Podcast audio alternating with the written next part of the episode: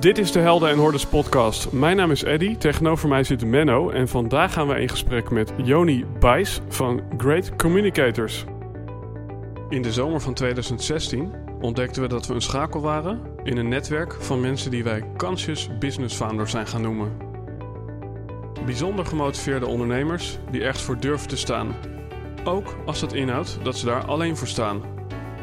Die 200% toewijding willen geven voor 1% groei en zeggen: Dit ben ik en dit is mijn bijdrage aan een meer gebalanceerde wereld.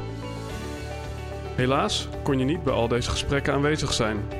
Daarom hebben we die bijzondere verhalen voor je samengebracht in deze podcast. We wensen je veel luisterplezier, maar belangrijker nog, we hopen dat jij de volgende stap gaat zetten in jouw avontuur.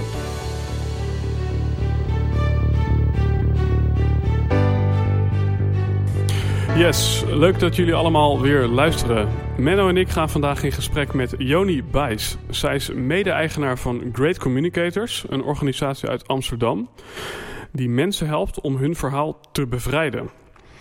Hierdoor kunnen ze veel meer impact maken als spreker, doordat ze uitgaan van hun eigen authentieke kracht. Alweer een aantal maanden geleden zat ik bij jou in een opleiding van Great Communicators. Ehm, nou, ik vind het leuk dat we op deze manier iets voor elkaar kunnen betekenen. Dat we Zeker. nu eventjes om kunnen keren. Leuk dat je er bent.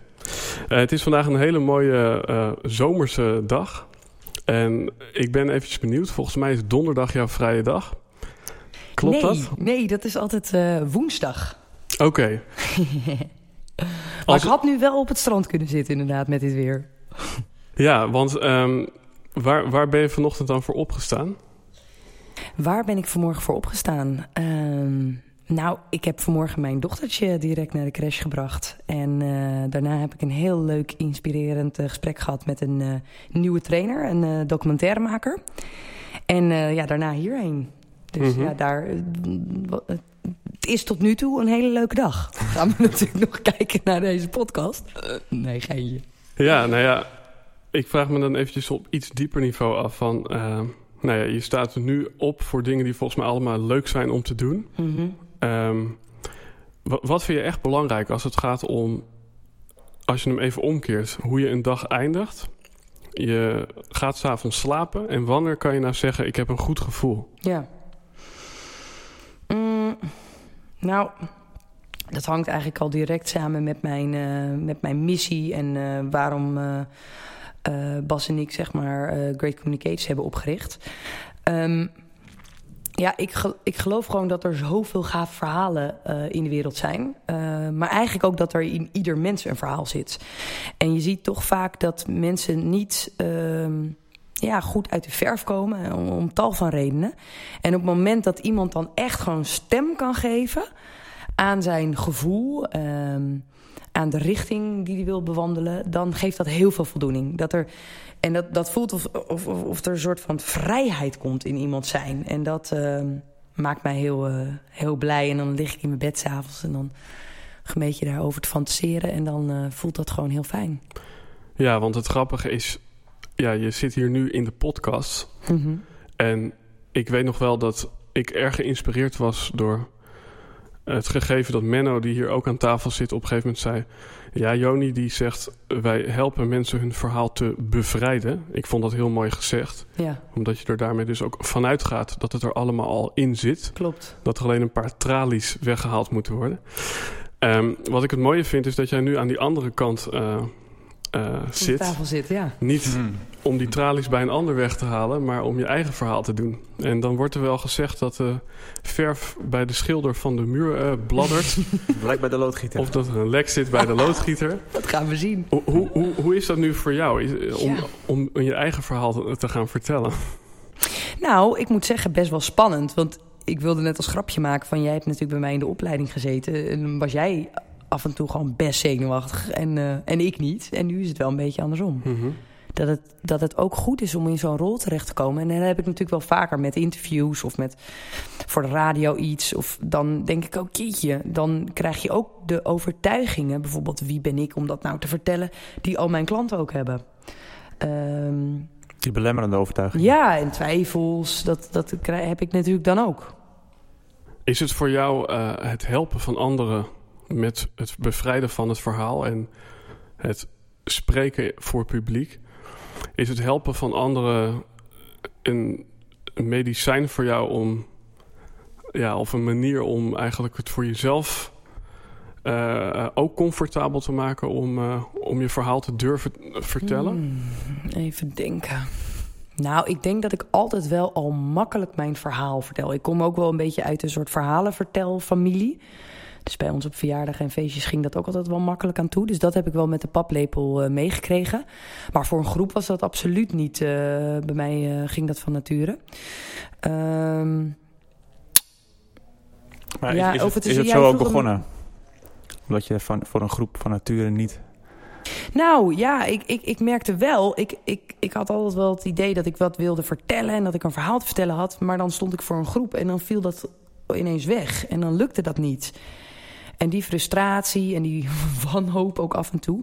dat zie ik natuurlijk ook nu bij mensen om me heen... Uh, die bij ons komen voor een opleiding of een coaching. Of nou ja, dat is heel divers.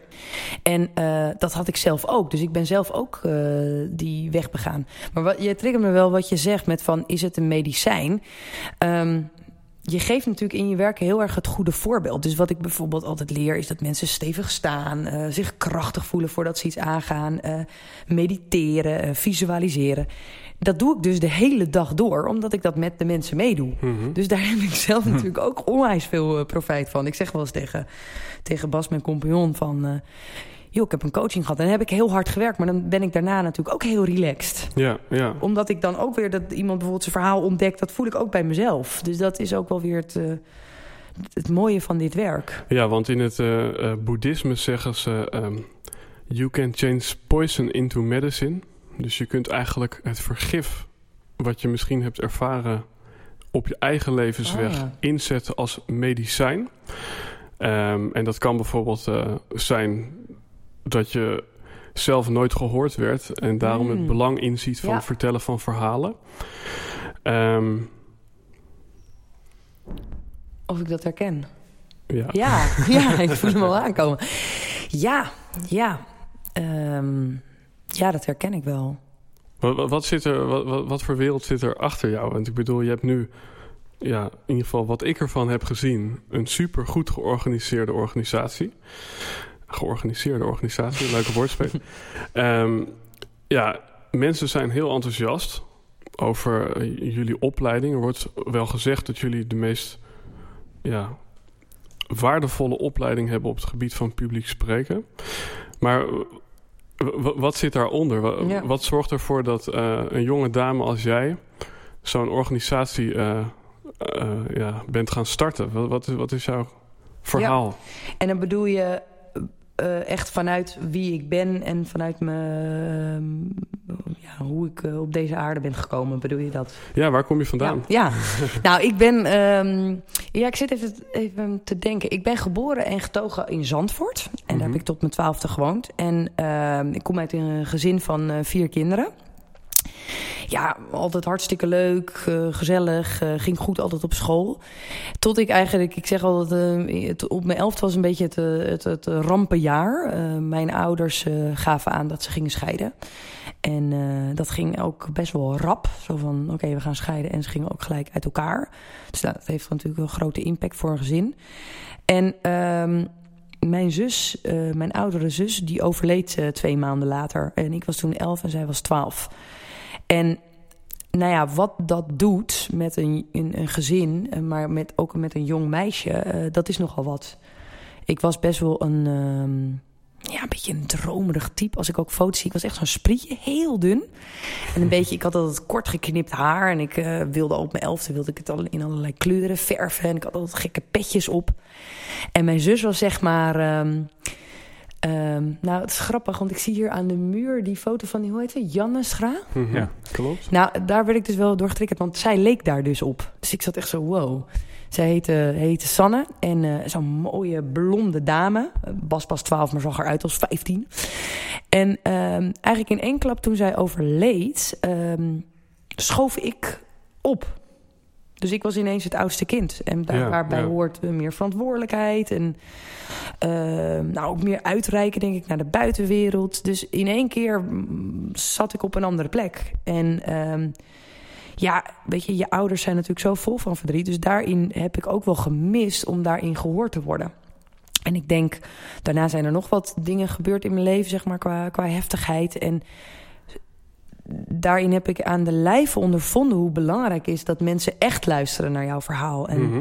dat je ook, e-, ik, ik zeg ook altijd maar, op het moment dat je echt gehoord wordt, dan zit daar zo'n heling aan vast. Maar echt gehoord. Ja. En dat is eigenlijk ook wat een beetje in de slipstream komt bij onze opleiding of eh, onze coachingen. Mensen, dat kan ook heel. Eh, ja, mensen hebben bijvoorbeeld een onderzoek gedaan. Uh, en zijn er twintig jaar mee bezig. En die vertellen dan hun verhaal. En dan zeg je, ja, maar wat zit daar dan achter? En dan ga je daar nog een keer op doorvragen. En dan zijn ze bijvoorbeeld super zenuwachtig om zo'n uh, presentatie te houden. En dan vertellen ze het echte verhaal. En dan, doordat ze echt gehoord worden, valt opeens ook die angst weg. Dan denk ze, ja, fuck, dit moet ik gewoon doen. Ja, ja. Dus dat, uh, dat is ook een beetje, in de, dat wilde ik zeggen, in de slipstream van, van dit werk zit er echt een enorme bak aan persoonlijke groei. Een soort snelkookpan daarvoor. Ja. Wat mij in opkomt is, je zegt echt gehoord worden, maar dat gaat dus veel verder dan woorden. Het gaat niet om de woorden. Nee. Het gaat om wat eronder zit. Ja. Right? Ja, en dat iemand ook, dat iemand bijvoorbeeld als, als klein meisje had ik misschien ook gewild dat ik altijd was altijd zo'n vrolijk clowntje. Dat iemand zei: ja, maar weet je, daarop doorvroeg. En van, ik zie nu dat je dat doet... maar ik zie ook dat je al je nageltjes uh, Op, uh, op eet. Dus echt verder kijken. En, uh, en dat, uh, dus het is ook inderdaad die non-verbale taal lezen. Als iemand er heel nerveus bij zegt en die zegt... ja, nee, gaat goed, het verhaal ga ik zo vertellen. Ja, zo zie je er niet uit. Herken je dat? Ja. Nee, maar dat is wel mooi, want je bent eigenlijk... Um, ja, hoe, hoe noem je dat? Noodzakelijkerwijs volwassen geworden. Of je bent de oudste van, uh, van het stel geworden.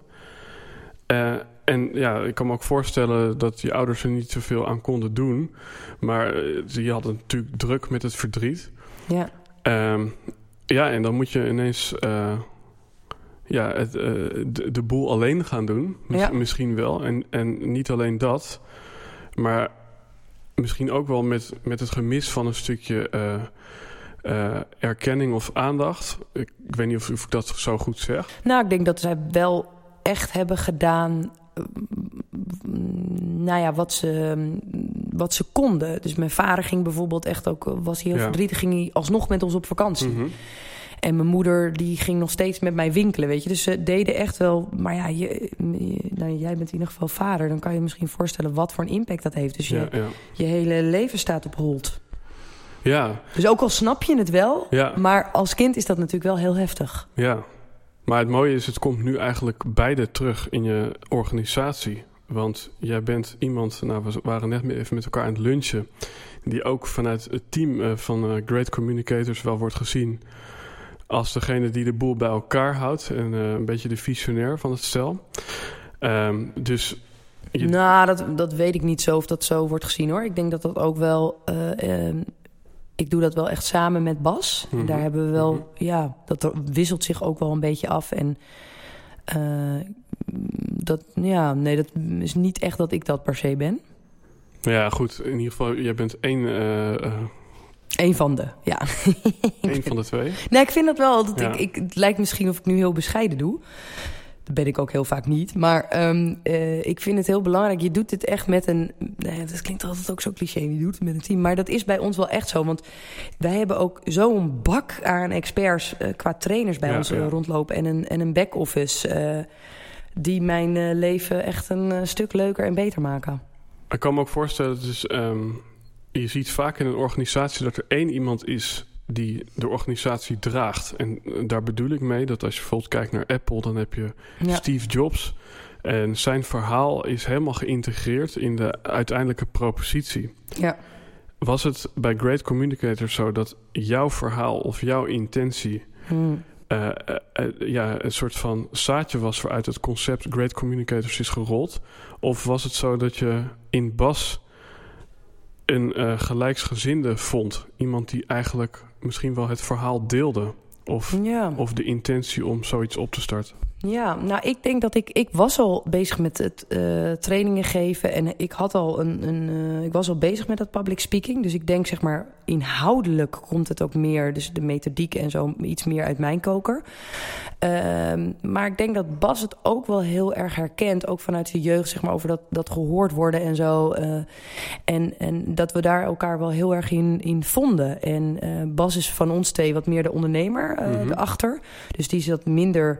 Uh, zichtbaar zeg maar, op het gebied van training en coachen. Maar die is meer aan, uh, uh, ja, bijvoorbeeld aan de, aan de klantenkant mm -hmm. zichtbaar.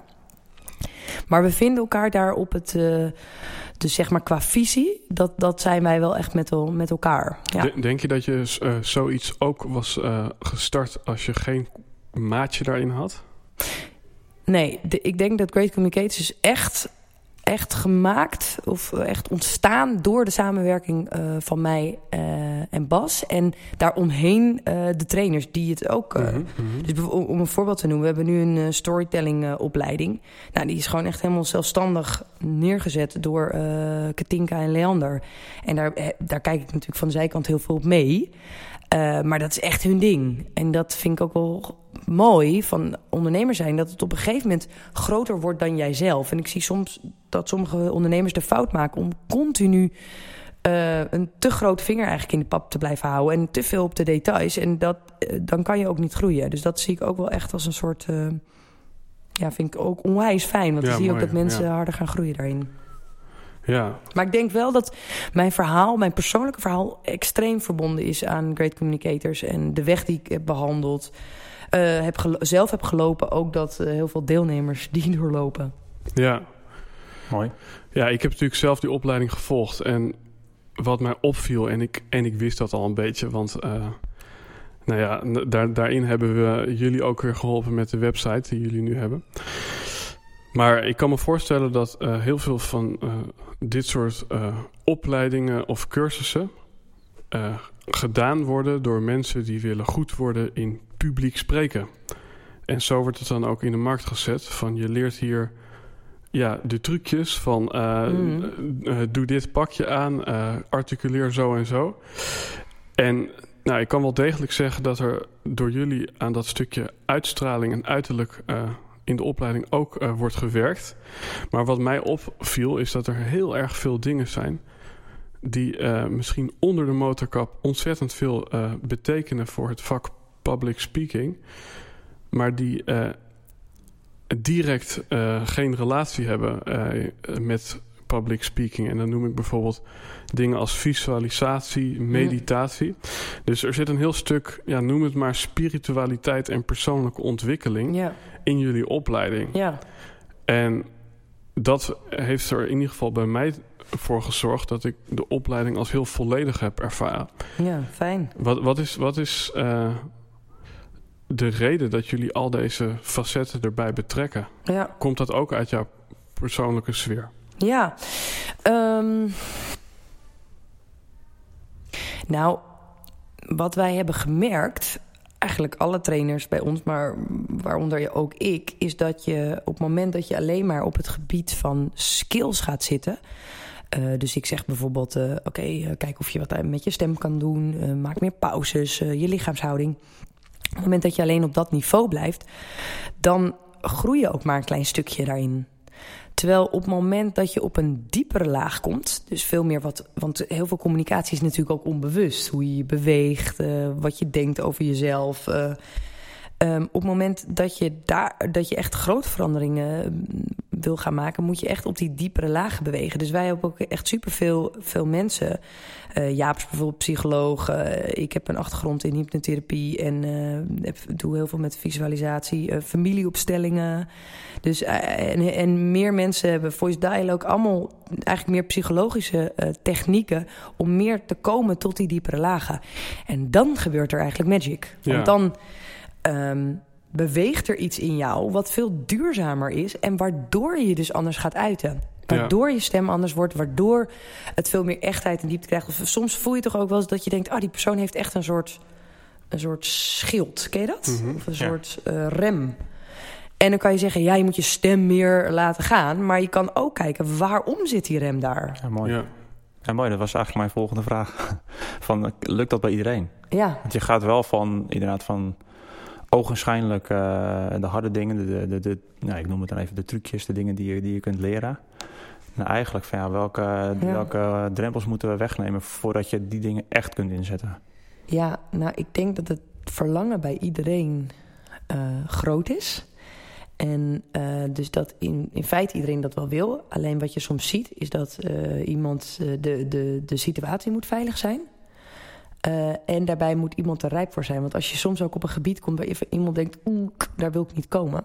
Kijk, we zijn natuurlijk niet een soort eh, therapeutengroepje. Dus dan laten we het ook wel. Maar als iemand ervoor open staat en echt denkt, joh, gaan. Dan eh, kunnen er echt eh, grote dingen gebeuren. Ja, wat ik wel een Mooi. mooie, een mooie toevoeging vind is dat ehm, het eerste moment dat wij binnenstapten bij Great Communicators, omdat we jullie website gingen maken, toen eh, zei Menno ook eh, tegen mij in de autorit terug van, ja, daar hangt wel iets om, om Joni heen. Eh, ja, er was iets voelbaar. Of anders gezegd, dat schild waar jij nu over spreekt, dat was er bij jou niet. En, Oh, ja. en, en, en jij was, Menno was de eerste die dat ontdekte. En ik begon dat later ook wat meer te ervaren. En daarin ben je ook wel congruent, omdat je wat je zelf bent, dat is ook hetgene Mm. wat je anderen leert.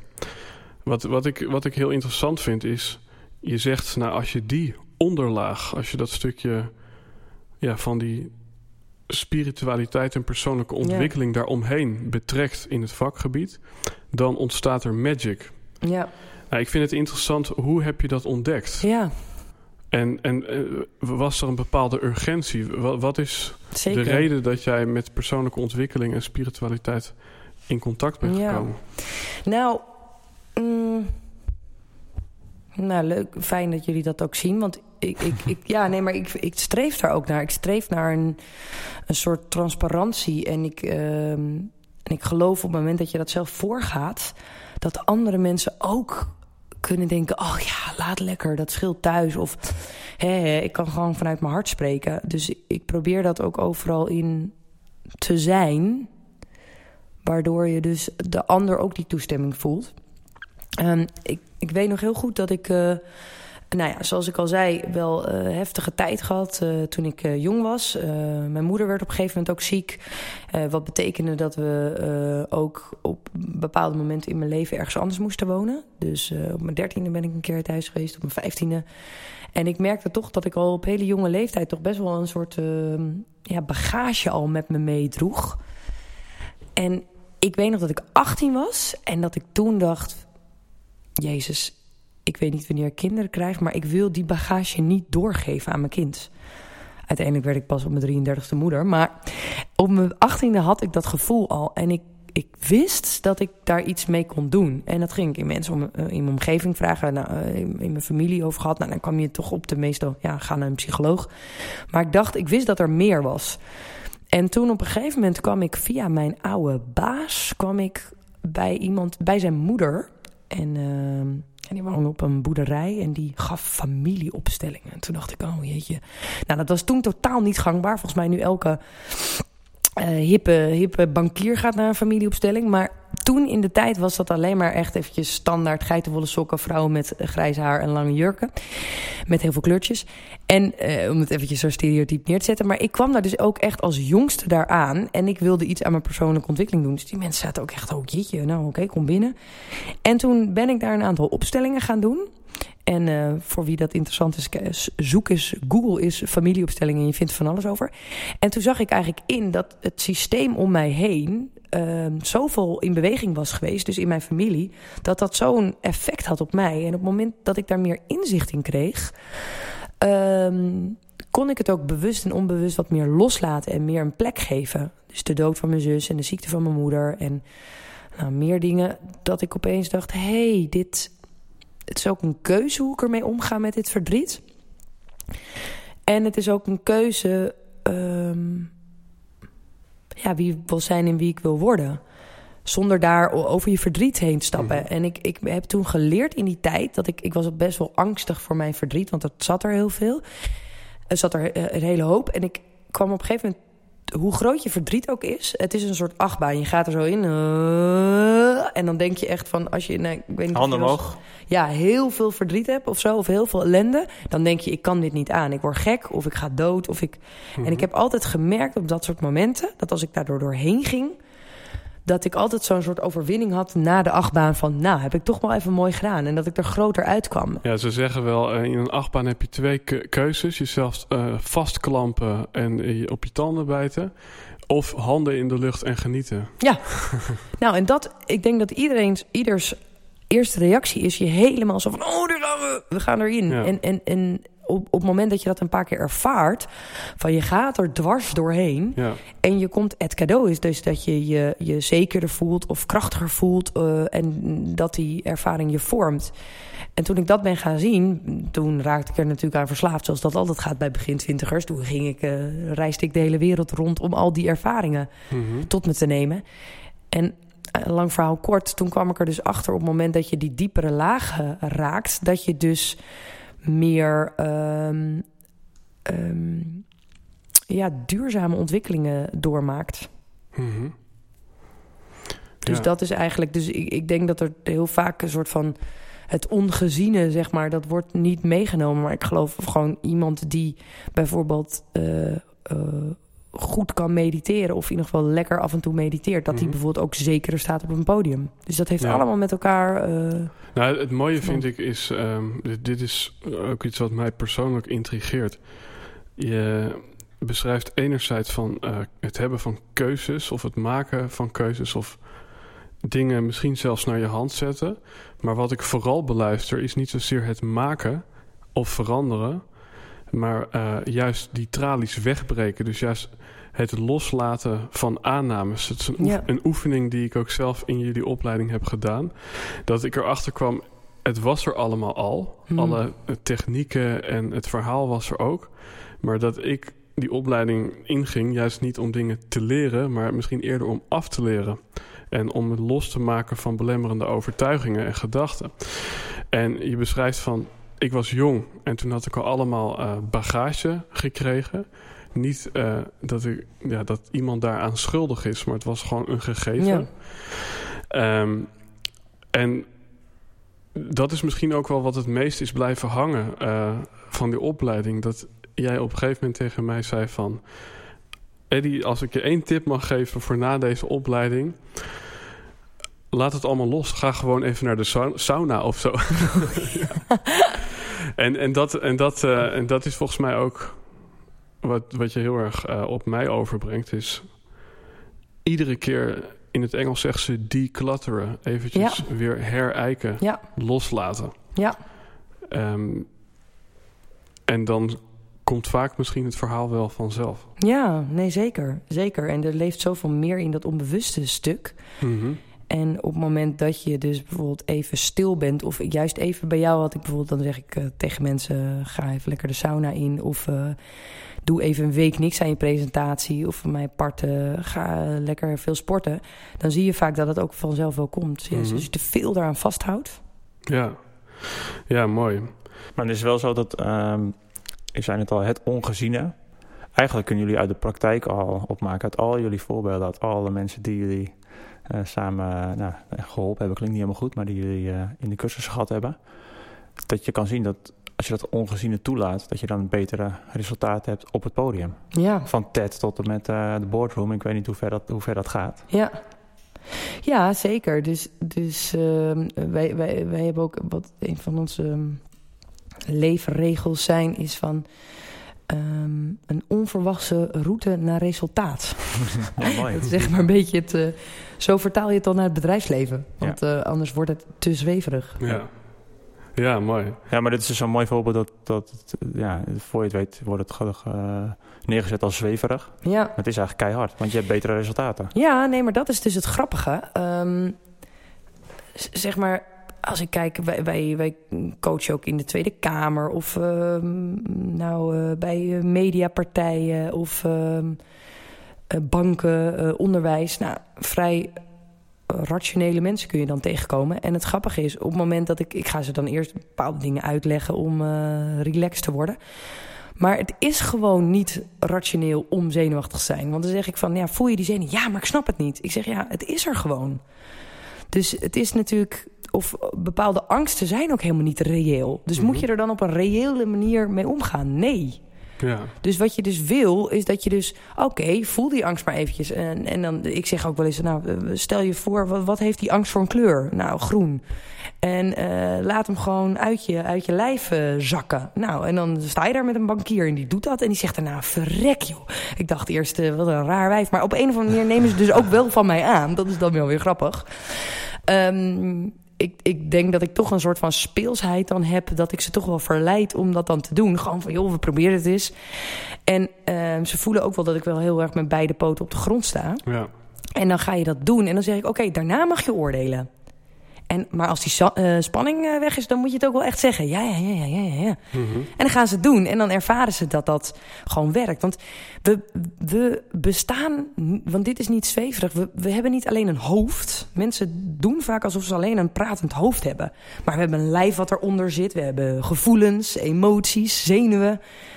En um, neem die mee. En op het moment dus dat je vanuit je hele lijf spreekt op een podium... dan voel je dus dat iemand echt vanuit zijn tenen overtuigd is... Ja, ja. en dat overbrengt. En dan zie je gewoon een compleet mens. Dat je denkt, wauw, dit is krachtig. Ja. Nou, als je dat alleen maar een verhaal maakt... dan ben je er niet, hoor. Nee. Nee, dat zijn die staande ovaties bij die TED-talks die je ziet. Ja. Ja, dat is dus een combinatie Vaak zijn ze super mooi, maar Ja. soms zijn ze eh, heel ja, ja, bijzonder. ja ik, ik herinner me dat ik eh, met jou, Menno, naar een TED-talk was. En er was één dame, en die hebben we achteraf ook nog even gesproken. En, Oh ja, ja. en toen zei jij al, nog voordat ze opging... Ja. Ja. wist je al precies Ja. dat het echt een super gaaf verhaal zou worden. Ik heb nu nog, eh, ja, nog de kipvel. Ja, heb ik ook. Wow. ja, super Ja. bijzonder. Hey, Joni, wat ik zo leuk vind, ehm, is dat eh, wij hebben veel mensen vanuit onze organisatie Dr. Woe gesproken. En je ziet vaak toch dat mensen die hangen of een beetje naar het spirituele, we noemen dat soms zelfs spiriwiri. Ehm, eh, omdat zij zo thuis zijn in die wereld dat ze daar ja, eh, dat het voor hun zeg maar de normaalste zaak van de wereld is. Maar dat er ook mensen zijn die denken: jeetje, ik heb hier geen kaas van gegeten. Wat, wat, waar heb je het over? En dan heb je mensen die de andere kant van de medaille heel goed beheersen. En die weten veel over ja, het geld verdienen en het concrete en het eh, resultaat waar we het net over hadden. Mm.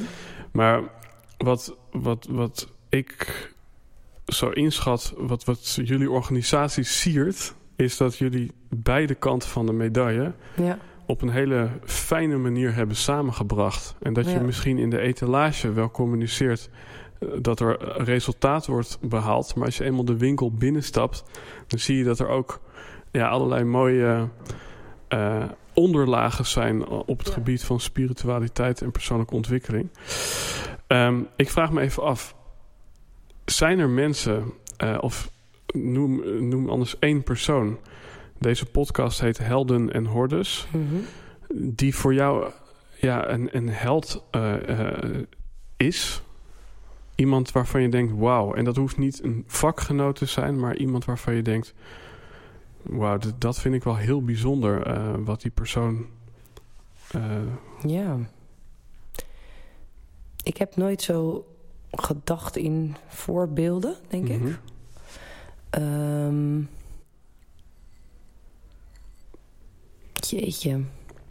Ik heb natuurlijk, kom wel natuurlijk heel veel inspirerende mensen tegen... die met hun verhaal aan de slag gaan en heel dapper zijn. En heel, ik, ik hou wel van dappere mensen. Ja, Dus die gewoon echt dat, dat er gewoon hele heftige dingen zijn gebeurd. En dat ze dan toch voor hun doel gaan. En ehm, ja, zit even te denken. ja want ik, ik kan me voorstellen dat uitgerekend in het, in het vakgebied waar jij in zit... dat, eh, ja, dat er mensen zijn die... Nou, ik, ik, ik zelf heb bijvoorbeeld eh, tijdens de opleiding een filmpje gezien van Obama... die eerst helemaal niet eh, zo vaardig Mhm. was in communicatie... en later een van de meest kippenvel speeches van de afgelopen decennia heeft gegeven. Ja. Ik kan me voorstellen dat er in dit vakgebied toch al heel erg veel toonaangevende types zijn. Ja, ja. Nou ja, kijk, er zijn natuurlijk wel talks die me hebben geïnspireerd. Ik, ik zit nu bijvoorbeeld te denken aan eh, Elizabeth Gilbert. Eat, Pray, Love, die dat boek heeft geschreven. En die heeft een TED-talk gehouden over de genius, de creative genius. En zij, zij vertelt bijvoorbeeld over dat ze dan een bestseller heeft geschreven. En dan zegt iedereen, ja, nee, dan krijg je nu je tweede boek. Shit man, wat een druk en uh, heftig. Dat wordt vast niet zo goed als het vorige.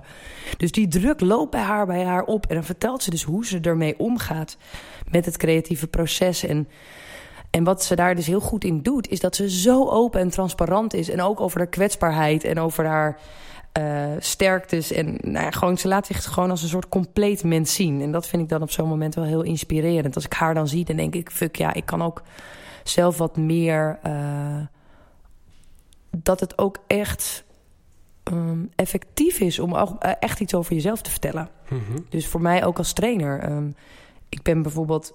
Um, vier jaar geleden heb ik een best wel heftige klap op mijn hoofd gehad. En heb daar een zware hersenschudding aan overgehouden. En heb daardoor ook gerevalideerd een periode. En dat vertelde ik eerst nooit. Omdat het ook misschien nog te vers was, denk ik.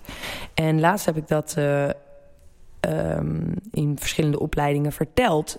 Maar ook met het doel dat ik... Waar, wat mij heel erg heeft geholpen is... Uh, en, en er zijn een aantal dingen die mij heel erg daarin hebben geholpen. En uh, het grappige is dat bepaalde stoffen in de opleiding veel beter uh, werd ingezet. Dus het, het had ook veel meer resultaat. Dus dat vond ik heel grappig. Dat mensen dat dus inspirerend vonden. Die zagen, ja, jezus, waar zij vandaan komt. Mm -hmm. uh, als ik dat ga toepassen. Ik heb nog ineens een hersenschudding gehad. Dan heeft dat al helemaal effect. Ja.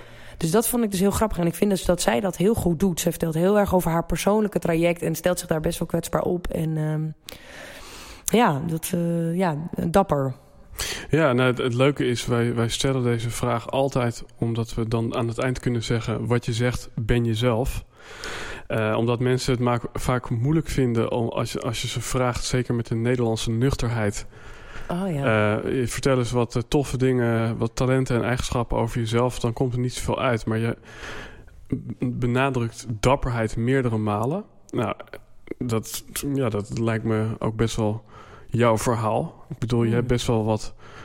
Uh, als, als, jonge dame in, in zo'n uh, grote wereld uh, heb je al best wel wat soda aan de dijk gezet, zeg maar. Mm -hmm. Maar, um, maar ook dat stukje ja, kwetsbaarheid inzetten. En waarvan je zelf bewust zegt, nou, ik kan er misschien nog wel wat meer van in gaan zetten.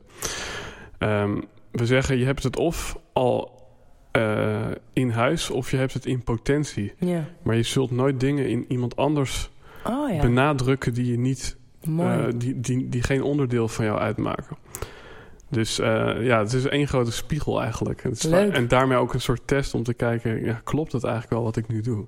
Ja, ja, ja, ja, ja. Ja, ik vind het voor mezelf ook belangrijk dat ik dapper ben. Dus op het moment, ik zal ook niet snel afschrikken voor een uitdaging. En dat heeft dus ook tot gevolg dat ik denk: my god, waar ben ik nou weer in beland?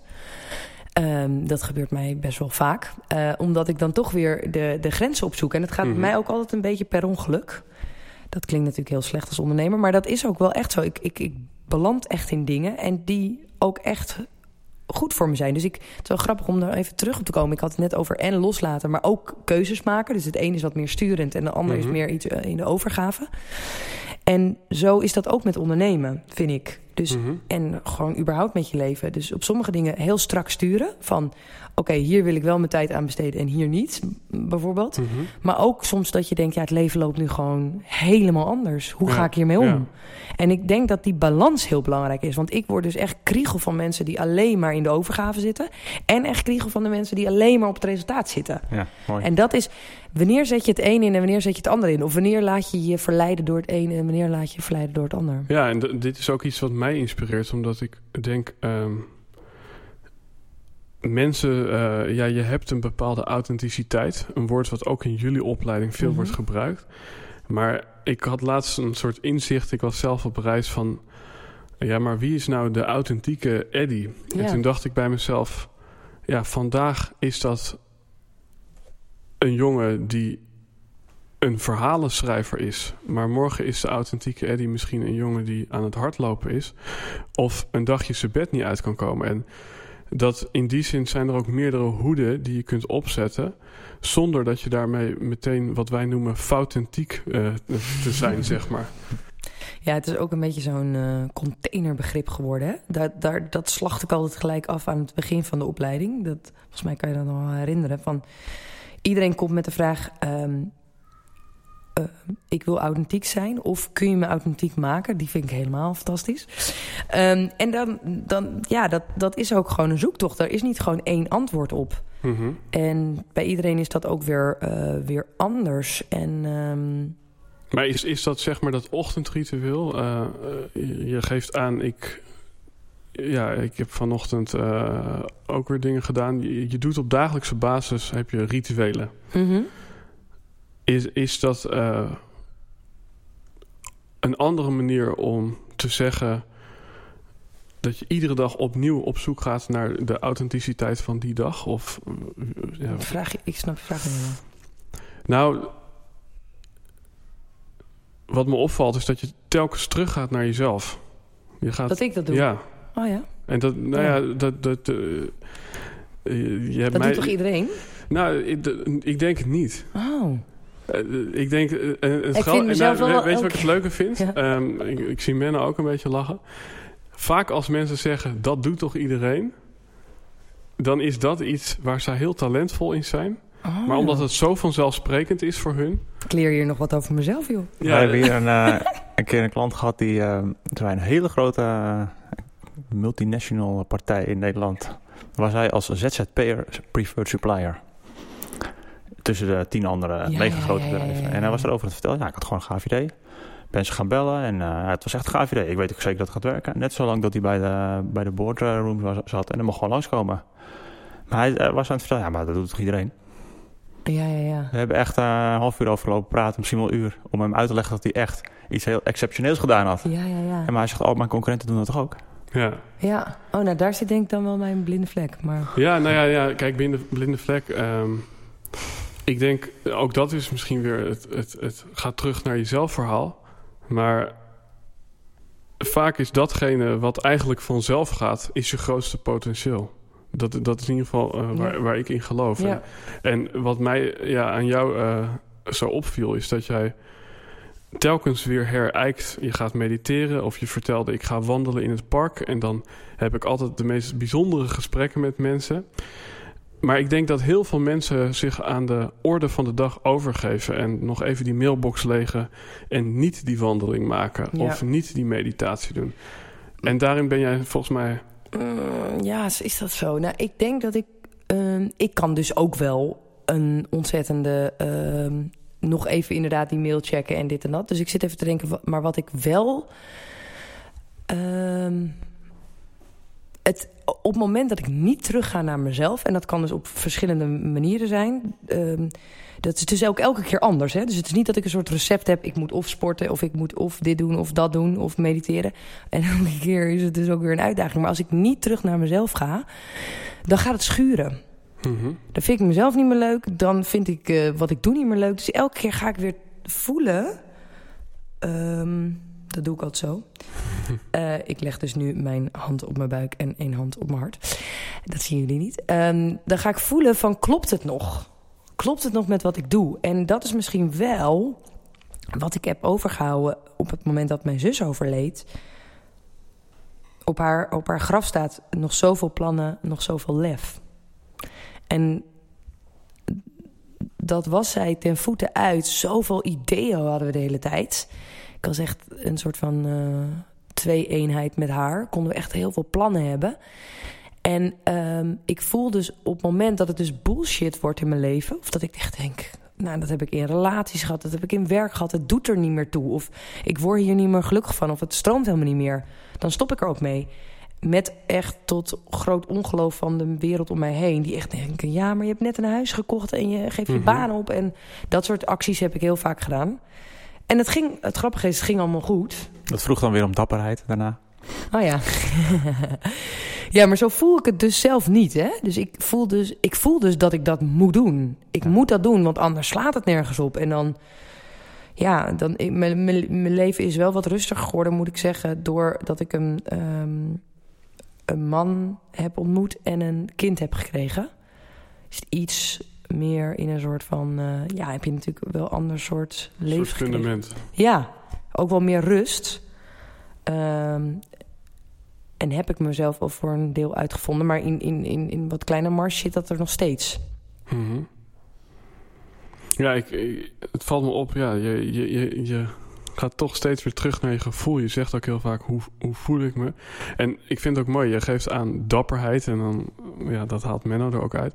Ik, ik zou het meer beschrijven als, ik kan niet anders. Ja. Omdat ik het idee heb dat jij een bepaalde aandrang voelt. Dat er iets moet gebeuren. Ja heel erg vanuit intuïtie of intentie of gevoel. En dat je het dan doet. En ja, dan komt er af en toe spanning of angst of I don't know. Maar je doet het gewoon. Dus in die zin is dapperheid misschien ook een beetje een gek woord. Want het is meer een soort van... Ja, niet anders kunnen dan je, je hart of je gevoel volgen. Nou ja, ik heb het ook met als ik verhalen hoor of dingen die ik heel interessant vind. Dus bijvoorbeeld, ik weet nog wel dat ik heel klein en jong was. En toen vond ik uh, Ome Willem, kennen jullie ja.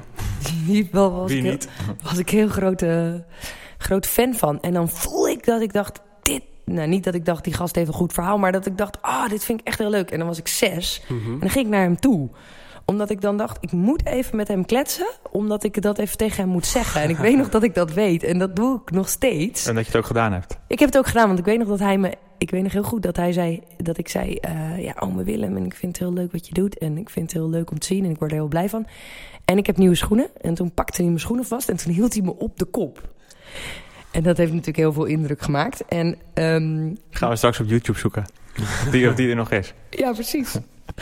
En, uh, maar dat doe ik nu nog steeds. Dus als ik iemand zie, want uh, ja. dat kennen we toch ja. allemaal wel. Dan zie je bijvoorbeeld iemand spreken ergens, denk je, dit is geweldig. En vaak denk je dan, nou laat maar, die persoon Mhm. is druk. Of die persoon uh, zit niet op mij te wachten. En ik probeer daar dan wel doorheen te gaan om dat iemand te vertellen. Dus of dat ik gewoon vertellen dat me heeft geïnspireerd. Maar of dat ik denk, ja maar hallo, deze persoon moet op een groot podium. En inmiddels heb ik het netwerk ervoor dat ik in ieder geval iemand meer in de buurt kan brengen. Of dat ik denk, ja, dit verhaal moet gewoon gehoord worden. Dus, Mhm. dus, dus, en dat vind ik heel fijn. Dat geeft me nu op oudere... Nou, niet dat ik natuurlijk zo oud ben, maar in, eh, eh, met, met dat ik zes was. Omdat ik nu meer een soort van eh, draagkracht en, en netwerk heb... om mensen ook op die plekken te brengen. En dat bemiddelen, dat doe ik ook. Daar vraag ik helemaal niks voor, dat, omdat ik dat zo voel. Mhm. Ja, Dat is ook wel weer mooi een voorbeeld van, uh, ja, het is allemaal weer gevoel en zweverig. En wat is dat dan? Nou, tastbaar. Ja, er wat mee doen. Ja. Uh, waarbij jij volgens mij heel duidelijk aangeeft dat je af en toe uh, ja, stilstaat, stiltes inlast. Nou, even kijken, oké, okay, wat, wat ga ik hiermee doen? Ja. Bewust. Ik heb vroeger een, uh, een workshop, vo voordat ik Great Communicators had, had ik een ander bedrijfje. En uh, dat was letterlijk een bedrijfje. En dat, dat, dat, dat, dat liep ook gewoon niet zo goed. Maar dat was wel leuk om mee te maken. Maar daar had ik dus een workshop. En dat heette Intuïtie, dat doe je.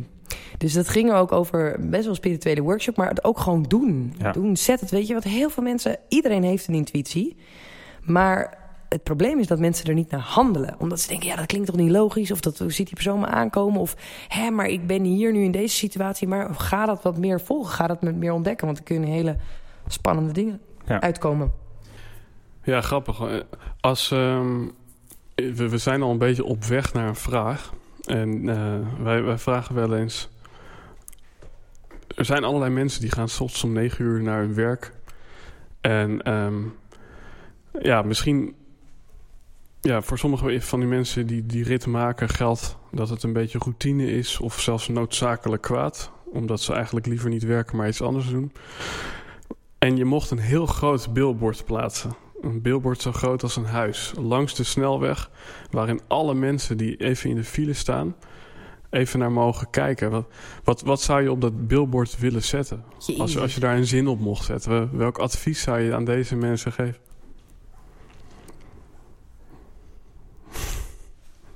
Ja.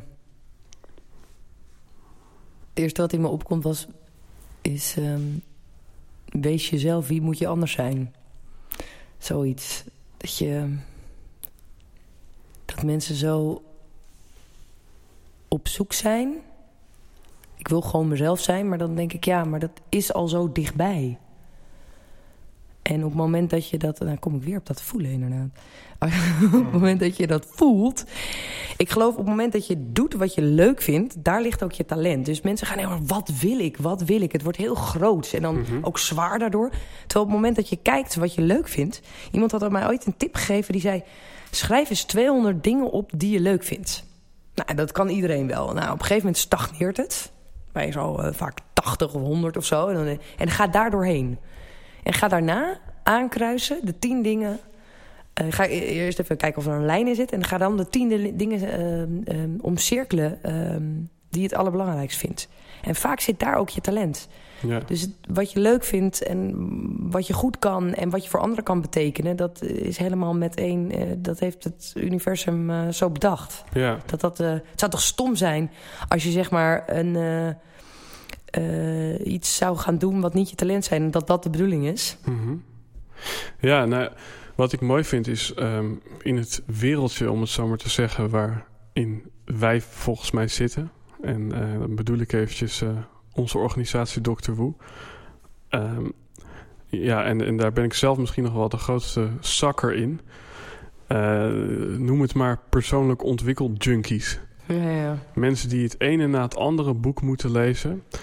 En die een enorme reis en zoektocht maken. En hebben het gezocht in spiritualiteit, in eh, de American Dream. In boeken over management, maar ook in boeken over synchroniciteit of mindfulness. En uiteindelijk ehm, komen vaak inderdaad de mensen die daarin toonaangevend zijn tot de conclusie van je hebt het eigenlijk allemaal niet nodig. Het was al best wel dichtbij. en soms is het dan blijkbaar nodig om die reis te Ja. maken. Om alleen maar erachter te komen dat alles wat je daarin geleerd hebt niet zo erg relevant was. Ja. Ja. nee, dat, dat klopt denk ik. ik. Ik ik kan, ik zeg dat nu ook wel tegen mensen, maar ik heb zelf ook die reis gemaakt en zoveel gezocht. En Mhm. niet dat ik het ook, ik weet ook niet of je het ooit gaat vinden, maar ik heb nu wel, ik ben nu wel een illusie minder. eh, of hoe zeg je dat? dat? Dat die illusie er niet meer is, dat, er, dat, het, dat het nog gaat komen of zo. Mhm, Dat ik denk, mhm. ja, dit is het. En maak er wat van. En juist in die verdieping en ehm, eh, zit het. En in het contact met anderen, maar maak het ook niet te complex. Ja, Ja, ik kom een heel gek verhaal binnen. Als laatste Ali B op de radio. En die vertelde ook dat hij op een gegeven moment eh, het best wel gemaakt had. Qua financieel, grote auto. Ja. En eh, naar huis reed naar een optreden. En echt dacht van, jezus man. Dit is het gewoon allemaal niet. Ja, En vanaf daar echt helemaal anders is gaan leven. Naar, ja, het geld is, eh, is waardevol, maar daar gaat het allemaal niet om. Het gaat over, over je bijdrage aan de wereld. Ja. En blij zijn en, en eh, toffe dingen doen. En, maar zeg maar, ik kan dat niet uitleggen. Je kan, ik kan wel uitleggen, maar het komt nooit zo aan als je die reis zelf hebt gemaakt. Tuurlijk. En dat is weer Mhm. eigenlijk ja. aansluitend bij wat jij net zegt, Eddie. Ja, je, zult, Ja. je zult hem volgens mij gewoon moeten ma- maken, die reis. En dat is ook gewoon weer voelen, zien en dan ook doen. ja. Anders kom je daar niet. Nou, dat is het. Ik had jullie verteld dat ik die hersenschudding heb gehad. En toen eh, zei ehm, die arts van... Nou, je moet eh, maar eerst even twee maanden vrij nemen. Even kijken hoe het gaat. En ik had dus woordvindproblemen. Dat je dus niet op woorden kan komen. En eh, nou, allemaal, eh, ik had een, op een gegeven moment eh, een test gedaan... en dat ging niet helemaal goed met mijn cognitieve functies. Nou, het is überhaupt de vraag of jij nog eh, helemaal goed weer kan werken. En dan ben je dus een great communicator... ja. Je, Over een lek bij de loodgieter gesproken. Nou, zeker. Ja. Dus, dus ik, en, en toen ben ik dingen echt in perspectief gaan zien van... ja, wat nou ook, weet je, meer en dit en dat. En toen dacht ik, ja, waar gaat het nou over? Ik moet überhaupt zijn als ik überhaupt... Ik moet blij zijn als ik überhaupt weer kan werken. Dus dat stelde het wel dat ik dacht, hé, hey, waar gaat het nou eigenlijk om? Mhm.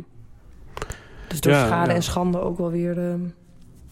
Wijzer. ja, Ja, ja, het mooie is, eh, een klant van ons die zei eh, een keer... stop met zoeken, begin met vinden. En eh, misschien wel bevinden of beleven. Hmm. ja, beleven.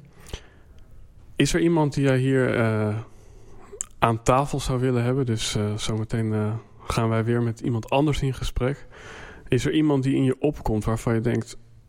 dat is iemand... Nou, in de categorie dapper.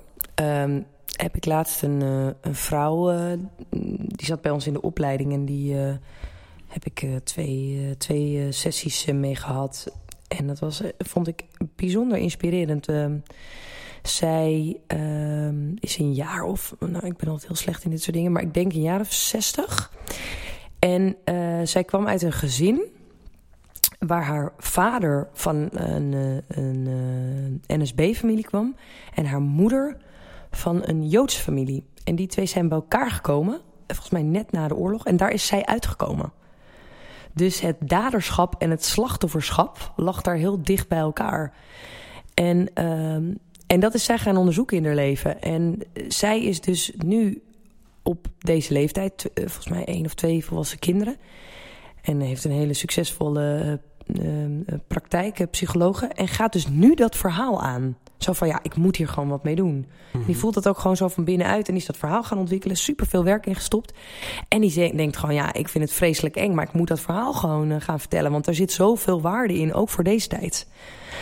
En ehm, ja, ik ben daar dan best wel door geraakt van wat dat verhaal daar ook achter is. Dus dat, dat zou wel iemand zi- zijn in de categorie eh, helden en hordes. Dus eh, het is ook wel, welk verhaal, hoe stel je je voor? Hè? En, Mhm. en welk oordeel krijg Ja. je dan over iemand? Denk je, oh jeetje, wat heftig. Of denk je, oh ja, ben jij er zo heen? Ja, En dat, dat, dat speelt natuurlijk nu in deze tijd ook. Door je achtergrond, door je cultuur, dat dat al kleurt ja, bij het eerste, eerste gesprek. En, ja, en ook hoe, ehm, hoe. Nou ja, dat ik er ook terdege bewust van ben dat ik aan de goede kant val, zeg maar. In, Mhm. in de belevingswereld van mensen. Ja, En hoe belachelijk dat eigenlijk is. ja. Ja. Ja, ik, eh, ik word er een, eh, een beetje stil van. En dat is vooral omdat ik op de klok kijk. Ehm, want volgens mij kunnen wij nog wel even doorbabbelen. Is er een één link of plek waar je mensen naartoe wil sturen van eh, die hun verhaal eh, willen bevrijden of meer in contact willen komen met hun gevoel of meer willen gaan doen met dapperheid? Is, is, is er een, eh, een stukje advertisement dit? Wat, eh, Oh, zo, jeetje. Ik, eh, ehm, ja, nou ja, god, mensen zijn natuurlijk hartstikke welkom bij ons. Wij geven open avonden. Ehm, Ik weet niet wanneer deze podcast wordt geplaatst. Nou ja, dat, eh, eh, hij is vrij tijdloos. Dus misschien kun je het beste zeggen Ja. op, op, op, wat- Oh ja, op natuurlijk. wat voor dagen. Ehm, nou, kijk, we, we geven eh één keer per maand geven we ehm, open avonden het echte verhaal en spreken met impact. En dat is denk ik wel een leuke manier en ook heel laagdrempelig. Kost maar 35 euro en dan kun je elkaar ontmoeten. En dan geven we eigenlijk in een hele korte tijd eigenlijk een soort ja, ontdekkingstocht naar je verhaal of een ontdekkingstocht naar jou eh, als spreker. En dat is, eh, eh, ja, het is altijd superleuk. Dus ik geef die ook zelf, maar ook mijn collega's, Mhm. Julika, Leander, Katinka. En ehm, nou ja, dat is een goede plek om elkaar te ontmoeten. En daarbij, wat we ook wel doen, is op de, onze Facebook van Great Communicators... delen we ook vaak eh, gave blogs of eh, tools... om je nou ja, meer eh, naar buiten te laten komen wat al in je zit. Met, eh, of dat nou podcasts zijn of eh, diverse dingen. Dus eh, ga daar eens kijken. Ja, super dankjewel. Ehm is er nog een laatste dingetje wat je de luisteraar wil meegeven? Jeetje, nou ik vond dit in ieder geval een heel prettig gesprek. Dat wil ik jullie wel meegeven. Ja, Vonden wij ook. Ja, doen jullie goed. ja heel relaxed. Een biertje erbij. Watertje. zomer. Ja, super dankjewel. Heel leuk dat je bent langsgekomen. Ja, En eh, volgens mij eh, zijn we nog niet van, van elkaar af. Volgens mij eh, kunnen we zeker niet. nog wel een mooie gesprekken met elkaar voeren en eh, zakelijk iets voor elkaar betekenen. Dus eh, ja, geniet van je dag en eh dankjewel. Jullie ook. Dankjewel.